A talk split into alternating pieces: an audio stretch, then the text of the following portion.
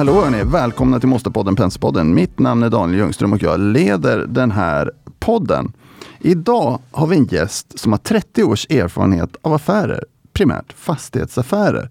Men runt de här fastigheterna och fastighetsaffärerna så har det vuxit fram en rad olika verksamheter med inriktning mot underhållning, friskvård och kanske jakt kan jag tänka mig. Han har visat prov på, och det är en han, en, en osedvanligt bra timingförmåga. Han är aktuell på flera olika sätt. Han har käkat middag med Tony Blair och Bill Clinton. Han har visat prov på ganska stora sociala talanger får man säga. Och vi ska prata med honom om nätverkets betydelse för de här affärerna. Han arbetar med det egna företaget som bär namn från hans första revisor. Han har idag lite olika ägande. Jag ska inte ens dra vad det är för ägande, för jag kan tänka mig att det förändras titt som tätt, vilket gör att jag är osäker på den aktuella bilden. I studion har vi också i vanlig ordning Robert Tovi. Välkommen Robert! Tack Daniel! Sen har vi ju dagens huvudperson, Per Taube. Välkommen Per! Tack! Fick jag med liksom basen? Absolut, du fick med väldigt mycket på den här korta introduktionen. Jag skulle bara vilja lägga till att jag hållit på lite längre än 30 år. Men det bolag vi ska prata om idag har en 30-årig historia. Så att, eh, i övrigt så, så, tyckte jag att du fick med det här. Hur kommer det sig att ditt, ditt, ditt eh, privata företag bär namn efter din revisor? Det är ganska ovanligt. Ja, absolut. Det var som så att för då ungefär 30 år sedan och jag skulle köra igång ett, mitt, mitt bolag så förvärvade jag en, ett färdigt aktiebolag av min dåvarande kompanjon och eh, min revisor. Och eh, så, så eh, Gelba, det står för Gunnar E Lundman och Bosse Andersson. Och jag tänkte jag köper det här aktiebolaget och sen ändrar jag väl namn till någonting som passar mig bättre. Men det har inte blivit av. Och nu har det gått 30 år så nu tycker jag att det här har ju fungerat bra. Och, och i början så tänkte jag att det är väl bra att bolaget bär revisorns namn. Så han kan knappast ge mig en oren revisionsberättelse. Va, vad var syftet med bolaget? Ja, syftet med bolaget, man kan säga i början, då jobbade vi väldigt mycket, det här var i början på 90-talet och eh, då var det den stora finans och fastighetskrisen i Sverige. Och eh, jag och min dåvarande kompanjon Bosse, Läng, Bosse Längholt eh, och vi eh, eh, jobbade väldigt mycket mot framförallt Handelsbanken och Östgöta Enskilda Bank och jobbade egentligen med att rekonstruera eh, havererade framförallt fastighetsbestånd men det var väldigt mycket andra investeringar också som vi gjorde. Jobbade du på bank då? Eller hur? Nej det gjorde vi inte utan vi hade mitt eget bolag och jag hade ett bolag, ett fastighetsbolag som jag hade varit delägare i tidigare. Som egentligen var vårt första case som vi jobbade med för det behövde, behövde rekonstrueras som i stort sett hela branschen. Men var, var den här egna verksamheten där du började din karriär? Alltså jag har egentligen alltid varit min egen eh, så att, eh, och, och har jobbat med fastigheter kan man säga någonstans i mitten på 80-talet. Så jag fick vara med om den här fantastiska resan rakt upp som tog en ände med förskräckelse i början på 90-talet. Det, det, men men jag, jag, tror jag startade mitt första bolag när jag var 15 på, på dispens från överförmyndaren eller vad det hette då. Så att, så att det här med business har, jag alltid tyckt varit spännande. Om vi, vi, bara lägger liksom grunden, även om vi hoppar kanske lite i, i, framåt här. Vad är Gelba, vad innehåller Gelba idag? Gelba innehåller idag, man kan säga att vårt största aktieinnehav det är Arlanda stad Group. Som då eh, börsnoterades för ett halvår sedan ungefär. Det är vårt största innehav och det är ett bolag som jag också startade för en 13-14 år sedan. Eh, sen har vi ju ett aktieinnehav i Moment Group som också är noterat. Där vi gick in för ett och ett halvt år sedan och gjorde en rekonstruktion. Vi kan berätta vad Moment Group är för någonting. Absolut, då ska vi ta ja, det. Ta, ta, ta det. Ta ja, sen har vi Sturebadet och vi har en del andra investeringar. Men innan vi går in på Moment Group ska jag väl säga det att de här senaste åren så har Gelba blivit mer ett investmentbolag från att ha varit väldigt operativt.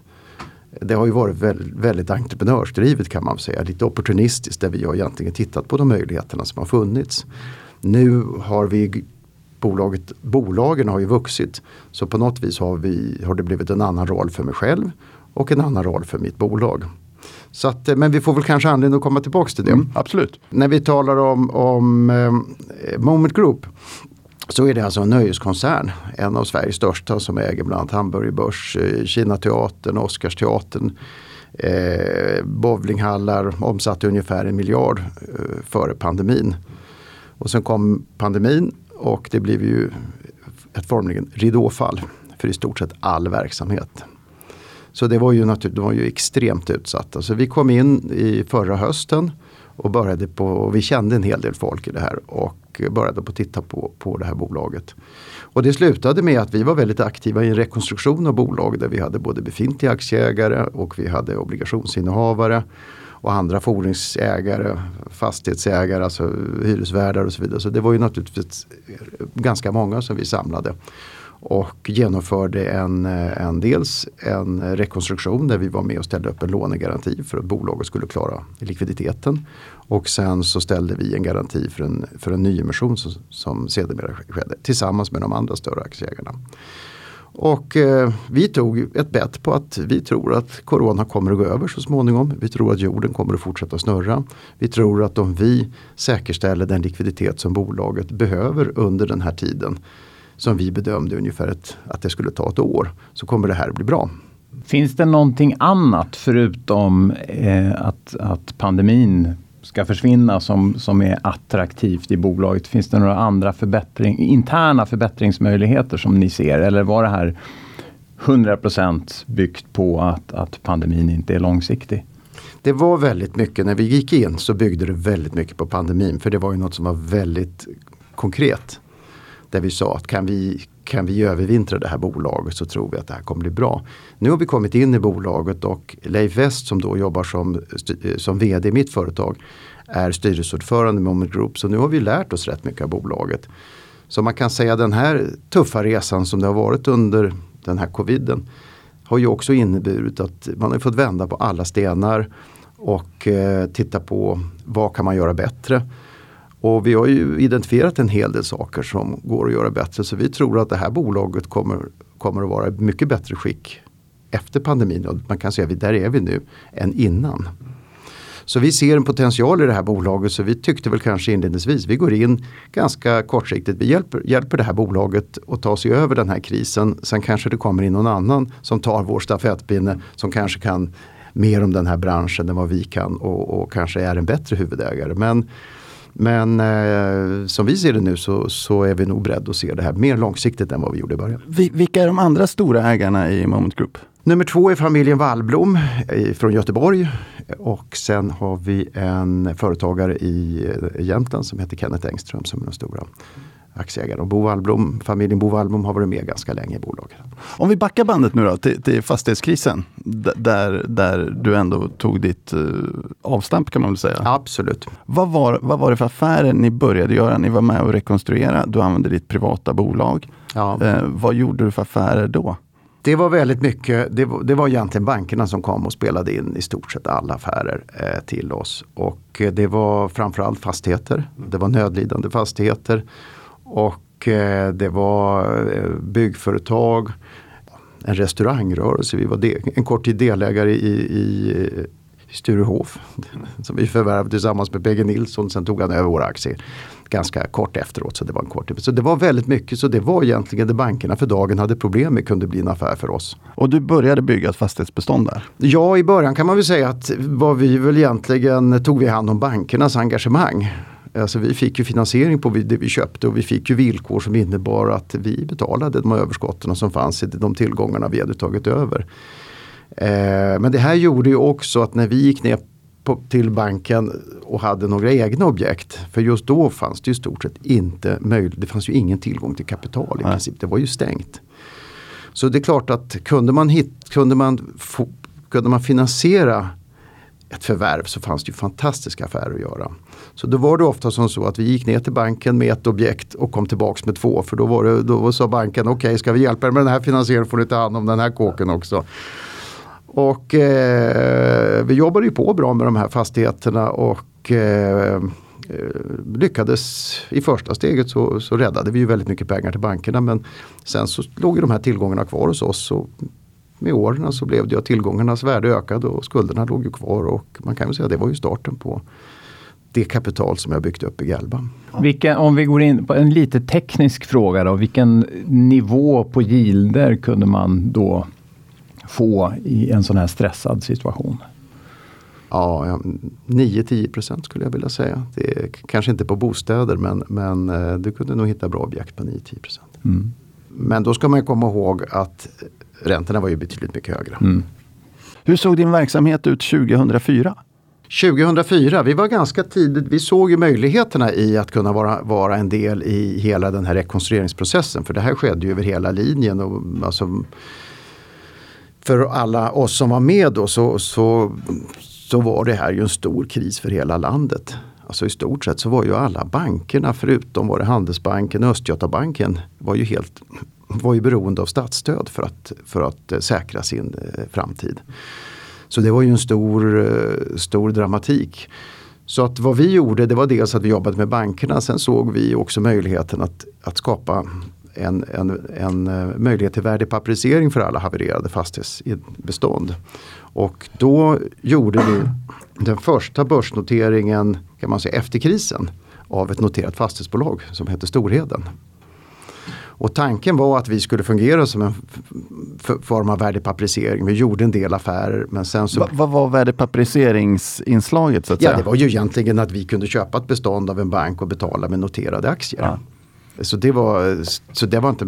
Och bankerna, och bankerna ville bli av med det de hade fått Ja, i säkerheter i sin tur. De ville ju få hjälp att, att på något vis säkra de här tillgångarna som de hade. Och, de hade ju, och det var ju så vi hade jobbat. Men, men sen blev det ju att bankerna själva började också på att organisera upp Securum och Neckebro och alla de här bolagen. Där man hade sina egna bolag. Och sen så fick vi ett bud på våra, huvud, på våra aktier som huvudaktieägare. Och eh, sålde vårt innehav och var nöjda och tyckte vi hade gjort en fin affär. Och eh, fortsatte utan i, utan i den här noterade miljön eller publika miljön. Och, och om man får fråga då, vad var en fin affär avkastningsmässigt då på den tiden? Ja, det kan nog, det, jag skulle nog vilja säga att det kanske 8-9 procent yield. Så hur, hur såg din portfölj ut då? Eller hur såg ditt ägande ut kring, kring 2006-2007? Ni förstår att jag härleder mig framåt här. Ja, just det, precis. Jag måste tänka efter lite grann. Ja, vi, hade, vi hade en hel del eh, logistik, kommersiella fastigheter. Eh, vi hade stort bostadsbestånd i Gävle. Där tror jag vi var kanske nummer två största fastighetsägare efter, efter allmännyttan. Vi hade väl fastigheter på lite andra ställen i Sverige också. Men, men du sålde ganska mycket precis innan finanskrisen. Ja, det gjorde vi. Vad var grunden till den försäljningen? Grunden till den försäljningen var att jag upplevde att marknaden blev väldigt, väldigt het. Och eh, någonstans så du talade inledningsvis om timing och det, kan man ju, det, det, låter ju väldigt, väldigt bra men man kan ju säga det att mitt recept på timing det, det har varit att, att eh, hellre kliva ut lite för tidigt och inte försöka få hem den där sista kronan. Och det kan man ju då kalla för timing. Att, men, men det är ju inte så, så att man kan aldrig, man kan aldrig pricka toppen. Kan, kan, man ge, kan, kan du ge en känsla för vad, vad, vad, du tog på, vad du kunde liksom ta på när du säger så här, det kändes lite för hett. Vad var det heta? Det heta var nog att fastigheter i allt större utsträckning betraktades som obligationer. Och man såg inte riskerna riktigt i det längre? Utan Nej, det alltså det är klart att eh, varje fastighet, det är klart om du har bostäder så kan man ju säga då är det mer en obligation kanske än en kommersiell fastighet. Men att driva en kommersiell fastighet det är ju lite som att driva ett företag. Det kommer hyresgäster och några försvinner och någon går i konkurs och någon behöver större och mindre. Så det är ju väldigt mycket handpåläggning. Det är definitivt inga obligationer. Som, som investerare då, om man, tar, man tar fram till tiden eh, 2007 när du, när du säljer för det kändes lite hett. Och så backar vi till när du börjar. Så, så börjar du plocka på dig vad ska man säga, fastigheten när, när, när alla andra klev av kan man ju säga, vare sig ja. de ville eller inte. Ja, exakt. det, det, då skulle man använda begreppet att man är lite contrarian. Mm. Du går lite motvalls. Ja. Är, det, är det en medveten strategi eller är det en, vad ska vi kalla det för, personlighetsfråga? Det är en medveten strategi. Hur, hur, har du, hur har du skapat dig den strategin? Jag tror att det här handlar väldigt mycket om att eh, naturligtvis är det ju lätt att säga att man ska ha modet att våga gå in och köpa när det är lite tuffa tider. Det tror jag alla kan hålla med om. Eh, men sen gäller ju att ha förmågan också att göra det. Och det är klart att är man alltför expansiv i de goda tiderna så kanske man inte har förutsättningarna när de dåliga tiderna kommer. Så att lite grann får man lägga grunden när det är de goda tiderna för då har du ett manöverutrymme som du inte har annars. Och, och det jag skulle vilja säga både med mig själv och många som jag känner i, i affärsmän så kan man säga det. Det är nästan så att du får göra större kraft på dig själv att sälja när det är bra tider än att våga köpa när det är dåliga tider. Därför att när, när alla tjejer och killarna är på spel, bollplanen och spelar och, har, och det är som roligast. Eh, då är känslan att du ska kliva upp och sätta dig på läktaren och titta på. Nej men det är ju inte så vi är funtade. Nej, och det är en jätterelevant fråga. För, för det är ju, om man pratar grupppsykologi och vad som driver börser och marknader och affärer och så vidare. Vad, vad, vad, du kan, vad, vad, man kan säga att du gör, det är att du kan ju gå utanför den här grupppsykologin lite grann. Mm. Och inte ryckas med. Mm. Och det är ju en ganska unik eh, egenskap, eh, skulle man kunna säga. Det finns ju fler som delar den, mm. men, men ändå, om man tittar på kapitalförvaltare och så vidare, så bygger man ju ofta processer och man har massa regler och man har massa grejer för att liksom motverka det. Ja. Men du har inga regler, du har magkänsla? Nej, det kan jag inte säga att jag har. För det man kan det, magkänslan det är väl liksom summan av alla intryck du får i din, i, i din tillvaro. Alltifrån att du sitter kanske och pratar med taxichauffören när du åker någonstans. Mm. Och du pratar med tio taxichaufförer och alla säger att det har blivit sämre. Ja, men då är det en tydlig signal som du får ta på allvar lika väl som du kanske sitter på, på Pensers eh, konjunkturdag och lyssnar på en professionell eh, nationalekonom som också målar eh, upp framtiden. Men alla de här bitarna om att folk i branschen och så vidare blir ju någon form sammanvägt och det vi kallar för en, en magkänslan. Om vi kopplar det nu till, till nuläget eh, för fastighetsbranschen mm. som, som ju har haft en gynnsam räntemiljö i många, många år. Um, och, och, där vi nu då kanske ser höjda priser på insatsvaror. Vad är liksom den allmänna känslan för var fastighetsbranschen befinner sig nu? Mm. Jag gör en liten tillbakablick som svar på din fråga och säger, och, och säger att om jag ser tillbaks de här senaste 30 åren som vi nu pratar om så kan jag säga att hälften av mina framgångar har varit oförtjänta. Den andra halvan, där har jag gjort ett bra jobb. Och den delen som har varit oförtjänt det är faktiskt att vi har haft en yieldkomprimering i stort sett. Från det nu, nu när du frågar mig vad var yielderna då? Ja, 9-10 procent. Så man kan väl säga att yielderna har halverats. Så då kan man säga att värden har dubblerats allting annat likt under den här tiden. Så det är klart att jag ser inte framför mig att vi har så mycket mer yieldkomprimering att hämta. Och ser vi fastighetsbranschen och jag tror också att det finns en risk med, dem, med IFRS, alltså det redovisningssystemet som de flesta tillämpar idag. Där man lyfter fram eh, värdeförändringarna över resultaträkningarna. Gör att man kanske, man kanske ser mer lönsam ut än vad man egentligen är. Mm. Det finns inte så mycket pengar i, i omlopp. Nej men alltså på 80-talet då gjorde man ju som så. Då sålde man och köpte för att lyfta fram de här värdena. Nu behöver man ju inte ens göra det utan nu kan du bara lyfta fram dem. Jag ser det att det är naturligtvis å ena sidan en risk att vi inte kommer att fortsätta kunna. Vi kommer inte kunna leverera dem. De yield, det kommer inte bli de yieldkomprimeringarna. Det tror jag är högst osannolikt. Men sen har vi ju just nu andra faktorer som eh, eh, vad händer med inflationen? Hur hur kommer kriget i Ukraina att påverka? Vi ser ju ja, kanske energiförsörjning, livsmedel, eh, ja, fertilizers. Vad, heter det? Gödningsmedel. Gödningsmedel ja. ja. och så vidare. Men det är ju där, där Ryssland och Ukraina är stora leverantörer till, till hela världen det här kommer påverka, transporter blir dyrare. Så, att, så frågan är vad det här ger för inflationen. Drar inflationerna, inflationen iväg så drar långräntorna iväg så kommer nog gilden att gå upp lite grann. Mm. Men samtidigt så kan man väl säga det att jag tror att det är också vad finns det för alternativa investeringsmöjligheter? Ser man det i det perspektivet så skulle jag vilja säga att fastigheter har ju varit ganska, det har ju varit ganska trygga investeringar. En begränsad nedsida och en hyfsat bra uppsida. Men det här borde ju då innebära att om man är lite proaktiv och lite konstruktiv kring hur, hur man som eh, fastighetsaktör agerar i marknaden så, så finns det Okej, okay, gilderna kommer kanske att gå upp men, men det finns fortfarande eh, utvecklingsmöjligheter. Absolut, och om jag ser tillbaks till de här 30 åren så kan man säga att de absolut bästa möjligheterna i affären de finns när tiderna är lite sämre. Så, så är det alltid och det tror jag det tror jag faktiskt de flesta håller med om. Det är ju då de stora möjligheterna skapas. Och det är ju det jag lite grann dels positionerar Galba för men framförallt Arlanda stad. Som, som numera är noterat. Det är där jag ser egentligen att där fortsätter vi att jobba som jag gjort tidigare. Därför att nu har vi egentligen lagt över den operativa verk, verksamheten i Galba. Det ligger i Arlanda stad. Så vi är lite positionerade för att kunna vara med oavsett om, om marknaden går uppåt eller neråt eller konjunkturen går uppåt eller neråt så, så ligger vi väl positionerade med ganska små risker i bolaget.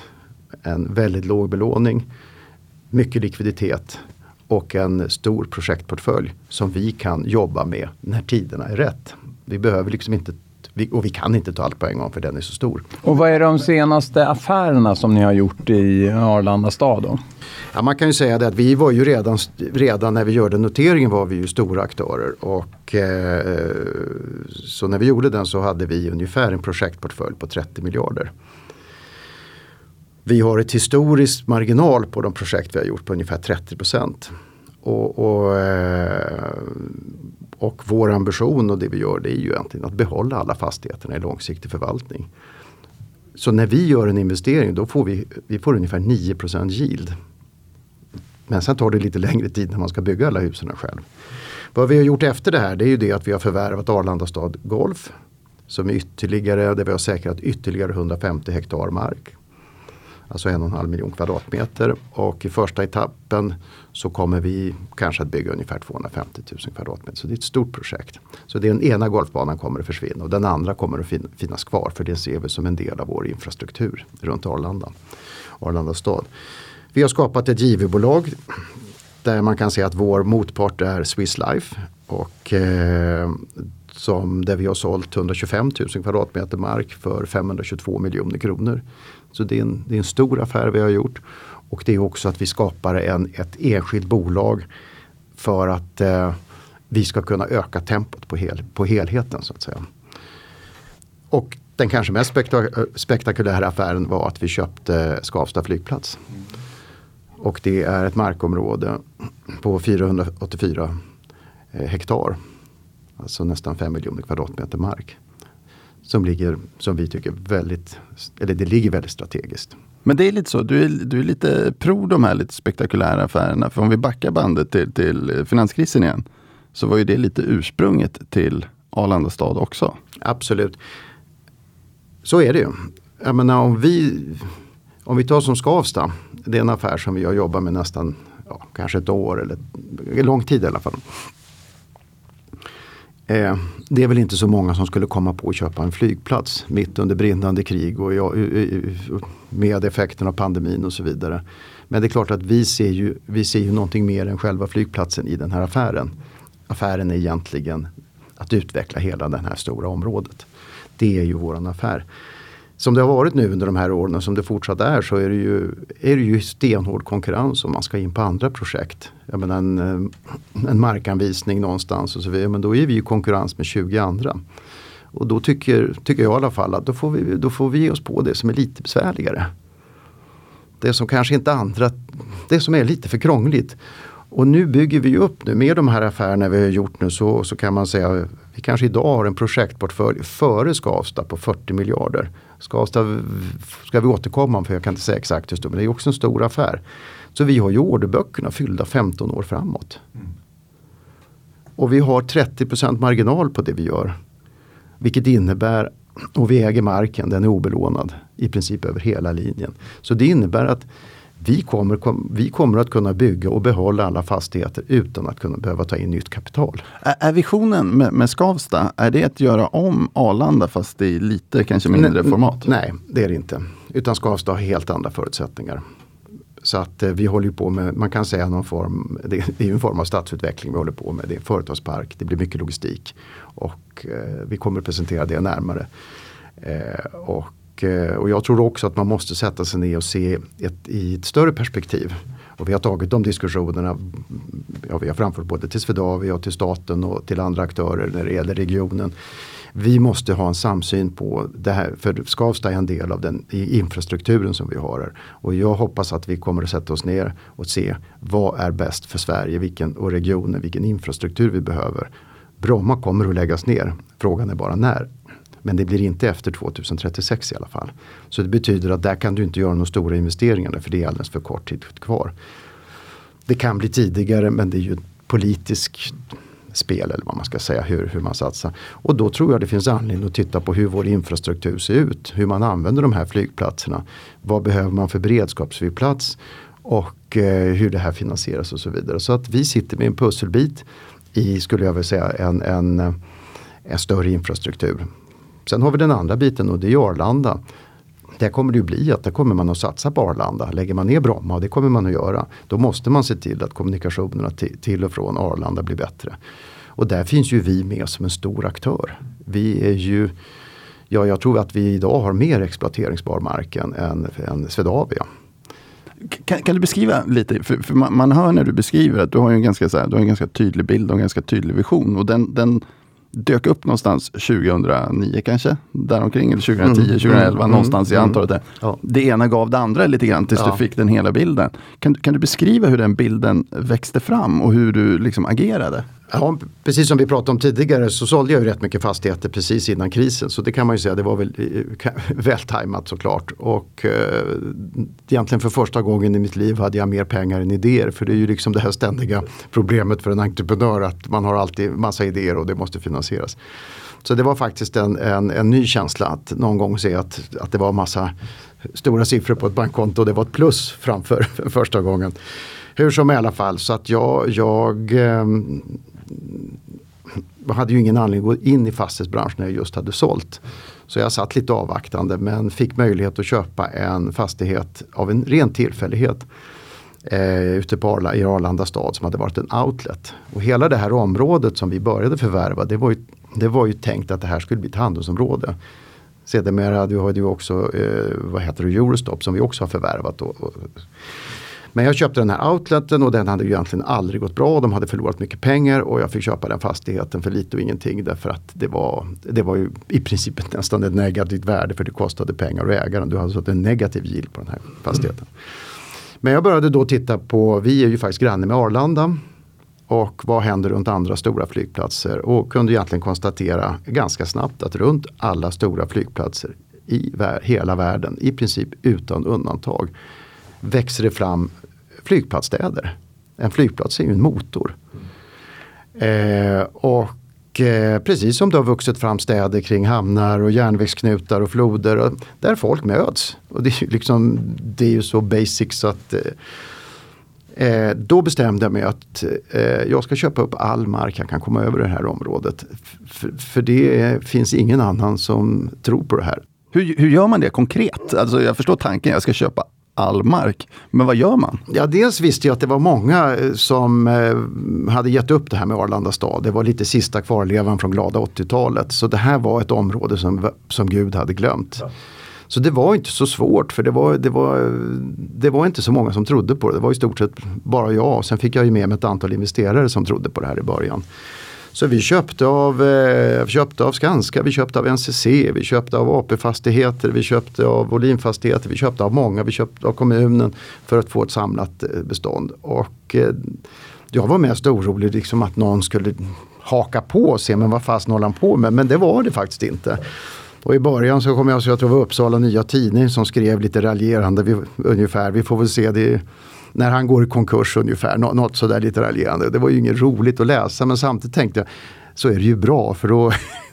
men, men du kände aldrig så här, varför hakar ingen annan på? Jo då, för tusan. Jag kommer ihåg när jag köpte av Skanska bland annat. Och de, när, när, vi, när de lämnade kontoret och vi hade gjort klart affären så såg de så nöjda ut och då kände jag mig, vad fasen har jag gjort? Kanske jag är snett, de borde kunna det bättre än vad jag kan. Men, och då kommer vi på något sätt, i, eh, tycker jag, kan man koppla igen då till de här markanvisningarna som alla andra 20 slåss om. Mm. Eh, varför, varför fortsätter man att slåss om samma markanvisning? Vad är det som gör att det inte är fler som ser de här möjligheterna som du ser? Jag tror att om vi tittar på Arlanda, det är långa ledtider.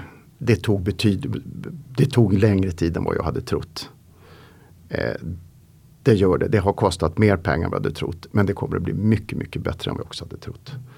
Så att egentligen kan man väl, det man möjligtvis skulle kunna säga, hör det här bolaget hemma på börsen för det är så långa tider. Det här är så långt ifrån kvartalskapitalism du kan komma. Därför att vi gör någonting idag som kanske kommer att kosta pengar i tre fyra år. Och sen börjar skördetiden för oss.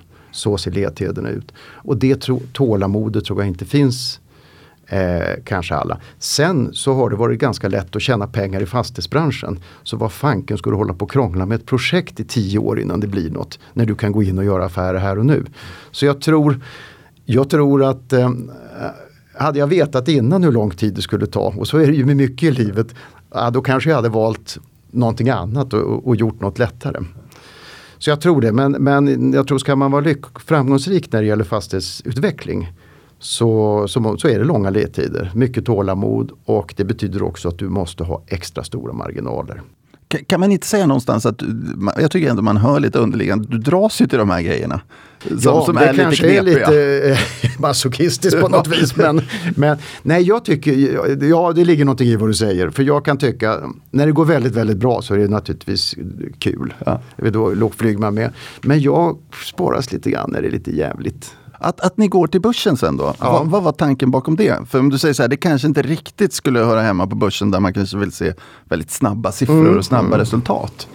Nej men jag tror att eh, vi vill växla upp bolaget. De, den kunskap och den erfarenhet och det kapital som vi hade tagit in och de möjligheterna som ligger i den här gigantiska projektportföljen.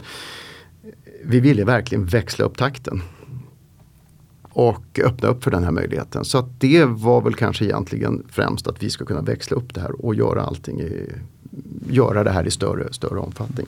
Och om jag läser rätt, eh, om jag, om jag skulle tolka Skavsta nu då som, som du ser möjligheter i, så, så läser jag någonstans att så här, Ryanair börjar eh, flytta från Skavsta. Min bild var ju ja. att det kanske såg lite, det kanske inte där jag går in först. Ja. Eh, men du väljer det. Ja, om jag säger som så, jag, nu har ju Ryan, Ryanair har ju flyttat mm. sin verksamhet till Arlanda och det visste vi om när vi mm. köpte ja, det här. Det och bara för någon månad sedan så, så fick ju Wizz Air lägga ner sin, sin nya linje till Kiev. Det visste vi också om när vi köpte. Så man kan väl säga att ser man utifrån de förutsättningarna så, så har det väl egentligen aldrig varit sämre. Och det är det som kanske lockar dig? Det lockar mig och det kanske avspeglar sig i prislappen. Ja, det är superspännande. Får jag, får jag, fråga lite, lite övrigt då? Eh, du har ju inte bara gjort fastighetsaffärer. Ja. Du, du är också hyggligt känd investerare i, i iSettle till exempel. Ja. Hur kommer det sig att du, du helt plötsligt då, för nu är vi inne på fastigheter och då kan man säga att fastighetskillar brukar vara nischade mot, mot eh, vad ska man säga, fastigheter. Ja. Eller sånt som ger den här yielden som vi pratar ja, om, alltså exakt. ränta. Men du går in på, på även ett sånt område som iSettle. Som är betalningslösningar ja, absolut, kan man säga. Absolut. Eh, man kan väl säga det är väl när man har, driver sitt eget bolag och man är entreprenör så är man ju lite odisciplinerad mm. på gott och på ont. Eh, iSettle blev ju en fantastisk affär som, som alla vet. Och, eh, men det är så mycket tillfälligheter som styr i livet. Jag tror du nämnde det här med att man bygger kontakter eller någonting sånt inledningsvis. Och jag brukar säga det att det, det viktiga och det tror jag alla håller med om. Det är tillfälligheterna som egentligen eh, skapar möjligheterna. Men då måste man utsätta sig för tillfälligheter. Det var det, det, var det jag tänkte komma till med nätverket. Ja men exakt. Jag menar, det är ju därför jag sitter här nu. Jag menar, nu har jag lärt känna er och sen är det kanske en och annan som lyssnar på den här podden som hör av sig eller tycker det är spännande. Så det gäller att utsätta sig för tillfälligheter och för att komma tillbaka till iSettle så var det egentligen att vi var ute på jakt tillsammans, jag och Jakob De är och de hade precis startat firman och hans, ja man sitter och pratar, ja vad håller du på med och, och ja det här håller jag på med. Så han tog fram en sån här liten device som man då där man gjorde om egentligen mobilen till, till en eh, det, betalterminal för, för, för kreditkort. Och jag tyckte, och jag hade lovat mig själv och jag har brutit mot det många gånger att inte investera sånt som jag inte förstår mig på. Det, det har jag gjort många gånger. Men, men, men jag tyckte att jag förstod, jag förstod affärsmodellen, jag förstod tankarna och framförallt så kände jag ett väldigt stort förtroende för eh, både Jakob och Magnus Nilsson som då var egentligen pri, de två primus motor. Så att eh, de sa att vi ska göra en nyemission och ta in eh, kapital. Jag kommer inte ihåg hur mycket det var men det var, inte, det var inga stora pengar. Vill du vara med? Ja, så det kan man med. Så jag tror jag gick in med två miljoner där. Och, så det var inte märkvärdigare än så. Och det vart hundra gånger pengarna? Ja, nästan. Så det behöver inte vara, det var liksom inte just att det var betalningslösningar. Det här hade kunnat vara e-handel. Nej, nej, men när jag åkte iväg på den där jakten den där morgonen hade jag inga funderingar på att jag skulle satsa på betallösningar. Utan jag satt väl mest och funderade vad det skulle bli för väder idag, vilka som skulle komma och vilka jag skulle träffa och så vidare. Så att, eh, nej, det var en tillfällighet. Jag, jag läser också in i ditt ägande, du, du deläger i Sturebadet mm. till exempel, eh, som är en vad ska man säga, en, ett, ett gym och en klubb kan man Mm, säga mm, i Stockholm mm. i Sturegallerian. Mm. Vi har lyssnat utanför Stockholm också. Mm. Eh, du, du, har lite, du har lite olika delar i din, i din portfölj får man kalla. Som jag läser in som ganska så här, sociala delar. Mm. Eh, Jag kan tänka mig att det är ibland kanske en investering och en del i ditt nätverk, liksom att hålla igång hela vad ska man säga, apparaten runt dig. Hur, viktig är nät, eller hur viktigt är nätverkande för dig? Nej men jag tror att väldigt mycket bygger på nätverk, så är det ju. Det är inget snack om någonting annat. Och, eh, men det är inte som så att jag går och köper ett företag Nej, för att förstår utveckla nätverket. Men, eh, men man har ju glädje av sitt nätverk när man gör affärer. Om du tar Sturebody till exempel som kanske är lite udda för oss. Så, så egentligen ursprunget till det, det var ju det att Skandia som ägde Sturebody tidigare hade sålt eh, sålt fastigheten till eh, och då satt man kvar med, med Sturebadet med rörelsen som inte passade i Skandia.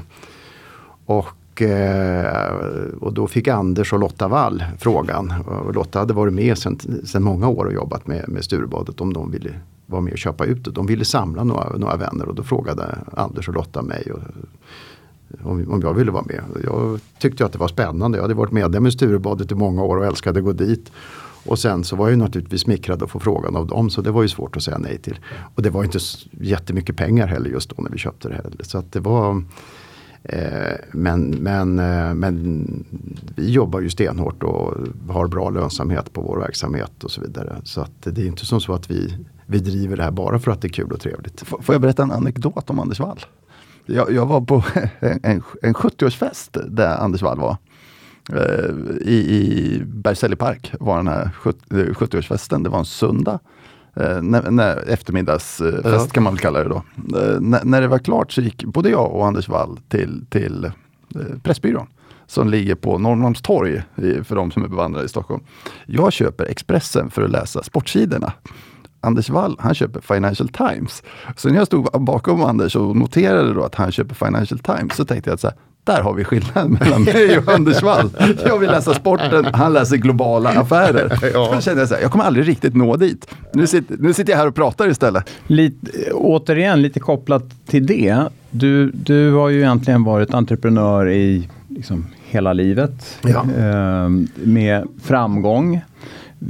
Vad skulle du vilja skicka med som råd till unga människor som lyssnar på podden idag och som kanske är, är lite inställda på att ja, men jag vill köra mitt eget race. Mm. Eh, ja, men då kan jag återknyta till lite det vi har pratat om. Om vi börjar då med nätverk. Det är ju ingenting som kommer, kommer av sig själv utan det, då får man anstränga sig lite grann.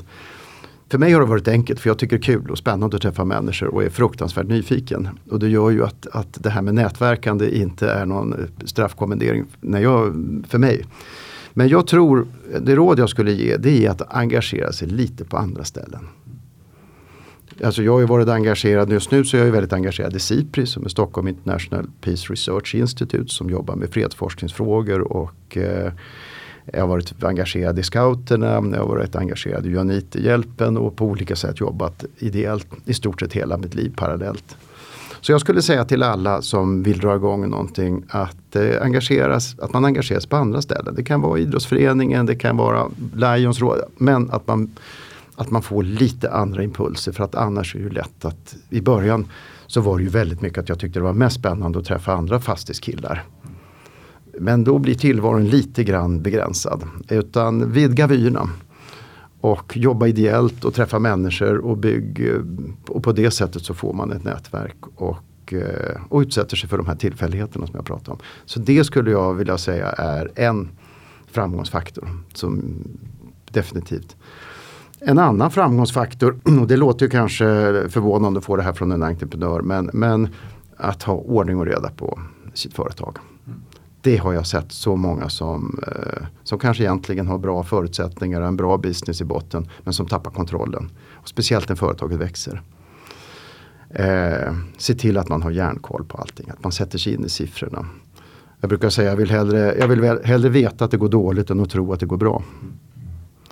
Eh, för det är inte som så, men du pratar om framgångar men det är inte som så att livet är så enkelt att det är bara liksom en, en lång kedja med massa framgångar. Så är det ju inte vare sig affärslivet eller det privata livet utan det är, det är både och. lite 90-10 brukar jag tänka ibland. Det är 90% tungt jobb och så är det lite 10% som är lite eh, roligt. Ja, men jag, men jag tror absolut. Men sen tror jag många gånger, och det är det jag är inne på här nu, så gäller det liksom att när motgångarna kommer och problemen kommer, ju tidigare du kan mota de problemen Eh, desto större chans har du att du, kan, att du kommer vidare på ett bra sätt. Och det är det jag menar, har du bra kontroll då kanske du, jag kanske upptäcker långt, långt tidigare att vi har problem i vårt företag.